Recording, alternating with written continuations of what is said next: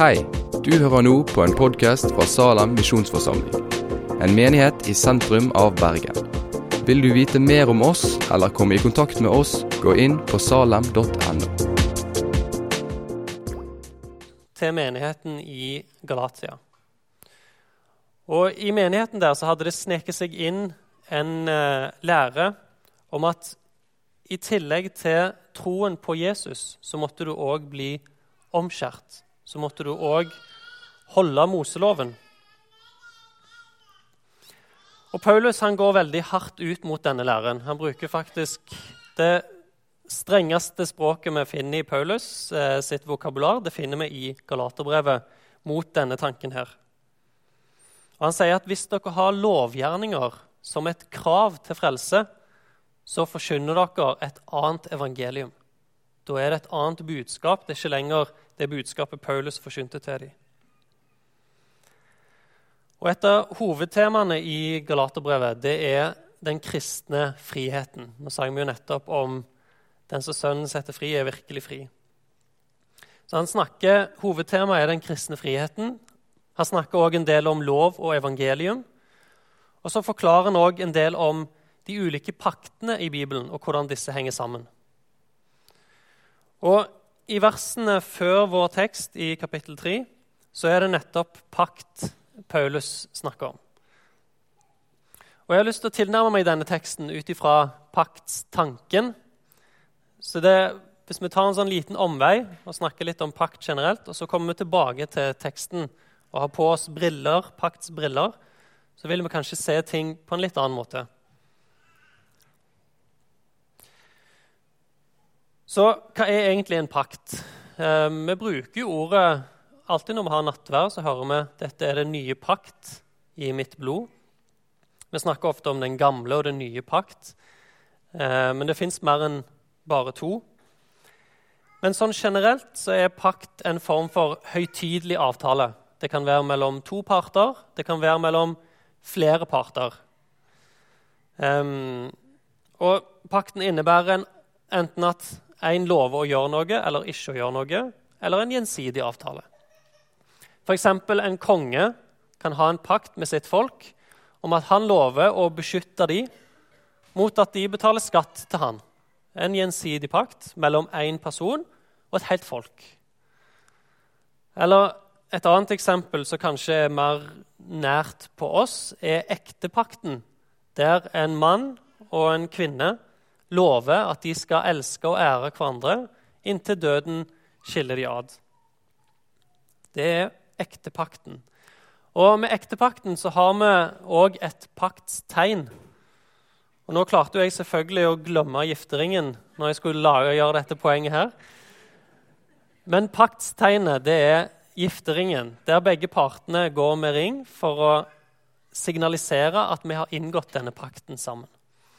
Og Med paktene så er det ofte et paktstegn, og det kan være eh, sånne av, eh, avtaler mellom folka. Og I Bibelen så finner vi som sagt flere pakter. Og Hvis vi skal sånn grovt sett dele inn i to kategorier, så kan vi kalle den ene kategorien for lovpakter. Altså en pakt med betingelse. Det er en lovpakt. Og det andre er et betingelsesløst løfte. En nådepakt. Det er en grov måte å dele det inn på, men vi kan si det. Den ene er et betingelsesløst løfte, ofte fra Gud, til menneskene. Den andre er en lovpakt som har en gjensidig avtale. F.eks. Adam og Eva i Edens hage de hadde en lovpakt med Gud. Hvis dere ikke eter av treet, så skal dere få leve. Hvis dere et av treet, så vil dere dø. Det var betinga på en lydighetshandling. Mens et eksempel på en nådepakt er pakten med Noah. Der etter syndefloden så lover Gud betingelsesløst at han vil aldri igjen oversvømme jorden på samme måte som han gjorde da. Og Med pakten med Noah så gir han òg et tegn, og det tegnet er jo regnbuen. Det er paktstegnet på at Gud fremdeles den dag i dag holder seg til det løftet, holder seg til den nådepakten. Så det var litt generelt om pakt. Og Hvis vi da beveger oss tilbake litt til teksten her i Galaterne 3, så har Paulus argumentert om forholdet mellom pakten med Abraham, pakten med Moses og den nye pakten som Jesus har innstifta. Og argumentet hans er egentlig at den nye pakten som Jesus stadfester, som Jesus innstifter, det er egentlig en fortsettelse av Abrahamspakten.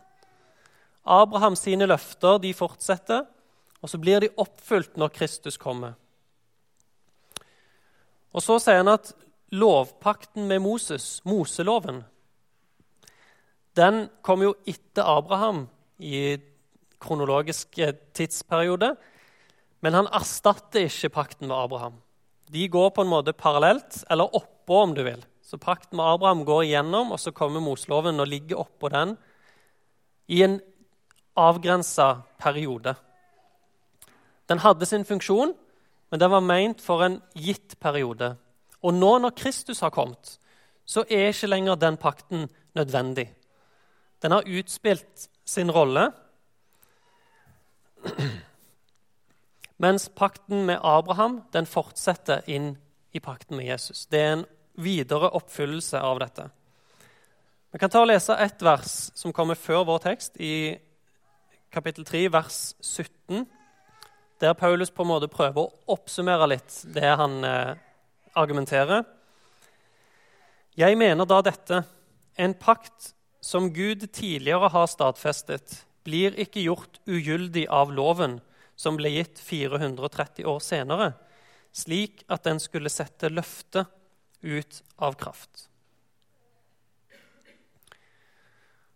Og Pakten med Abraham det var jo en nådepakt. Det var et betingelsesløst løfte fra Guds side.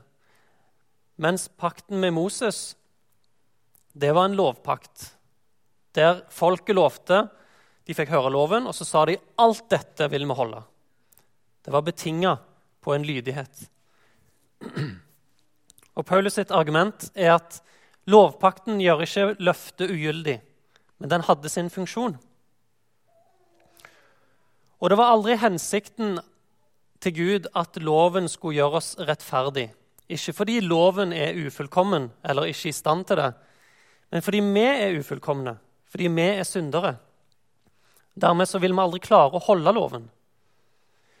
Loven sin hensikt det er å drive oss til Kristus. Den skal drive oss til Kristus og troen på Han. Han bruker begrepet tuktemester, eller i nyere oversettelser så blir det brukt vokter. Den skal på en måte passe på oss og drive oss i riktig retning inntil Kristus faktisk har kommet. Men nå når den nye pakt er innstifta, når troen er kommet, når Kristus har kommet, så trenger de ikke lenger Moseloven. Da trenger de ikke gå inn i den pakten lenger. For nå er vi Guds barn ved troen på Jesus. Og Så begynner han å snakke litt om paktstegnet. Og I Moseloven så var paktstegnet omskjærelsen. De omskjærte guttebarn når de var åtte dager gamle. Så tegnet, og Hvis du da konverterte i voksen alder, så ble du omskjært. Og Tegnet på at du var gått inn i denne pakten, og sagt alt dette vil jeg holde, denne loven vil jeg holde, det var altså at du var omskjært. Men i den nye pakt så har vi et annet paktstegn. Og det har vi fått sett i dag. Det nye paktstegnet er dåpen. Det er nå tegnet på at du har gått inn i pakten med Gud. Og Denne gangen så er det ikke en lovpakt, men det er et løfte fra Gud om at jeg gir deg troen, og jeg vil òg gi deg frelsen ved troen. Jeg kan lese i Kolosserne 2. Det står jo på, eh, under temaet i dag. Begraver med han og oppreist med han. Vi skal lese fra Kolosserne 2, vers 11-12.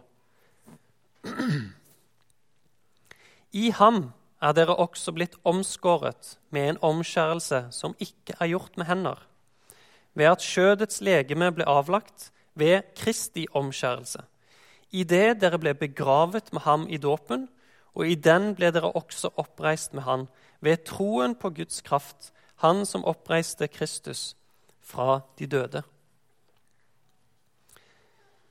Så dåpen blir kalt Kristi omskjærelse. Og den er ikke gjort med hender, men den er gjort ved Guds kraft. Vi blir begravet med Han, og vi blir oppreist med Han. Og I søndagens tekst som vi leste, så blir det òg brukt et annet uttrykk om noe dåpen gir oss. Og vi kan lese det en gang til i vers 26 og 27 i kapittel 3. Alle er dere jo Guds barn ved troen på Kristus Jesus. For dere, så mange som er døpt til Kristus, har ikledd dere Kristus. Så her sier han vi er Guds barn ved troen på Kristus. Og i dåpen så har vi ikledd oss Kristus. Vi har tatt på oss Kristus. Vi har kledd han på oss. Vi har tatt på oss hans liv, hans rettferdiggjort, hans rettferdighet. Og i han så er vi rettferdiggjort. Og så dekker vi over oss sjøl med å kle på oss Kristus. Og Det er et veldig flott sånn mentalt bilde å ha på frelsen. Du er blitt et barn, du er blitt adoptert inn i familien, og så kler han på deg og gir deg sine klær, sitt eget liv, sin egen rettferdighet. Og Så begynner Paulus å snakke om at vi er alle én i Kristus. Han begynner å snakke om en form for enhet. Han nevner at nå er det ikke mann og kvinne. Og Det kan ha med at i den gamle pakt så omskjærte en bare guttebarn, mens nå skal vi jo døpe både jenter og gutter. Og Han nevner trell og fri. Og Det er jo også fordi det er ikke forskjell på sosial status, eller om du er fattig eller rik, eller om du er en tjener eller om du er en herre. Vi er alle én i Kristus.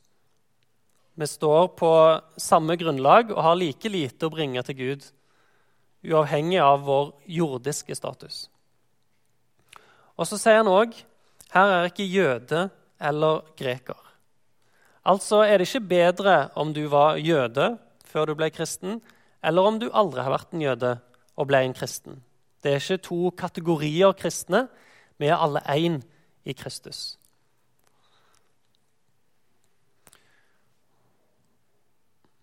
Og til slutt så sier han, 'Hører dere Kristus til, da er dere Abrahams ett og arvinger ifølge løftet.'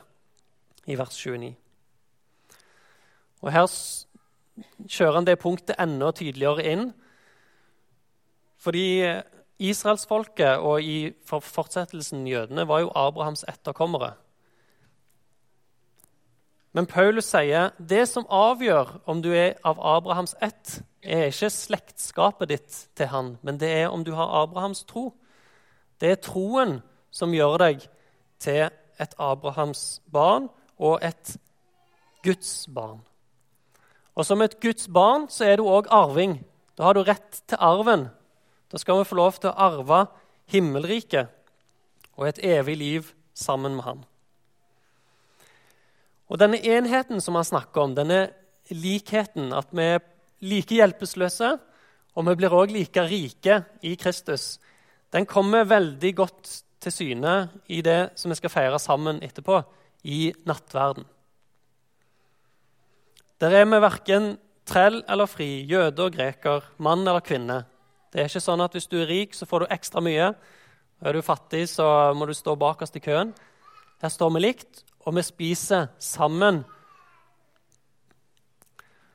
Og det fellesskapet blir manifestert i nattverdsmåltidet, i fellesskapsmåltidet som vi feirer sammen. Og Kristian nevnte jo innledningsvis nå er vi jo så heldige at vi har en nådemiddel hat trick i dag. Vi har hatt dåp, og vi har ordet, og så skal vi òg få lov til å feire nattverden sammen. Og Jeg nevnte litt om dåpen som et paktstegn. Og vi kan på den måten kalle nattverden som et paktsmåltid. I Moseloven i den gamle pakt så hadde de jo påskemåltidet, blant annet. Som de spiste for å minnes utgangen fra Egypt, når Gud utfrier israelsfolket fra Egypt. De spiste usyra brød og påskelammet. Og Det var jo dette måltidet Jesus og disiplene hadde sammen når Jesus innstifter nattverden og den nye pakt. Så på samme måte som dåpen tar over for omskjærelsen, så tar nattverden over for påskemåltidet og blir det nye paktsmåltidet, det som vi skal få lov til å feire sammen. Og nå er jo elementene da brød og vin. Og det er flott at Gud gir oss konkrete måter å møte han på. I dåp, i ordet, i nattverden. Og så kan vi møte han på mange andre måter. Men det er de sentrale nådemidlene som Gud gir oss sin nåde gjennom. Jeg skal ta og be helt til slutt. Himmelske Far. Jeg takker deg for at vi kan få lov til å leve i den nye pakt som Jesus har innstifta. Jeg takker deg for at vi kan få lov til å bære barna fram i dåpen og gi dem over til deg og din nåde. Jeg takker deg for at vi i troen er Guds barn, og at vi har ikledd oss Kristus, alle vi som er døpt. Må du velsigne hver enkelt, og la oss komme sammen i nattverdsmåltidet i fellesskap og kunne ta del i den samme nåde og den samme tilgivelse og den samme rettferdighet som du har gitt oss. Amen.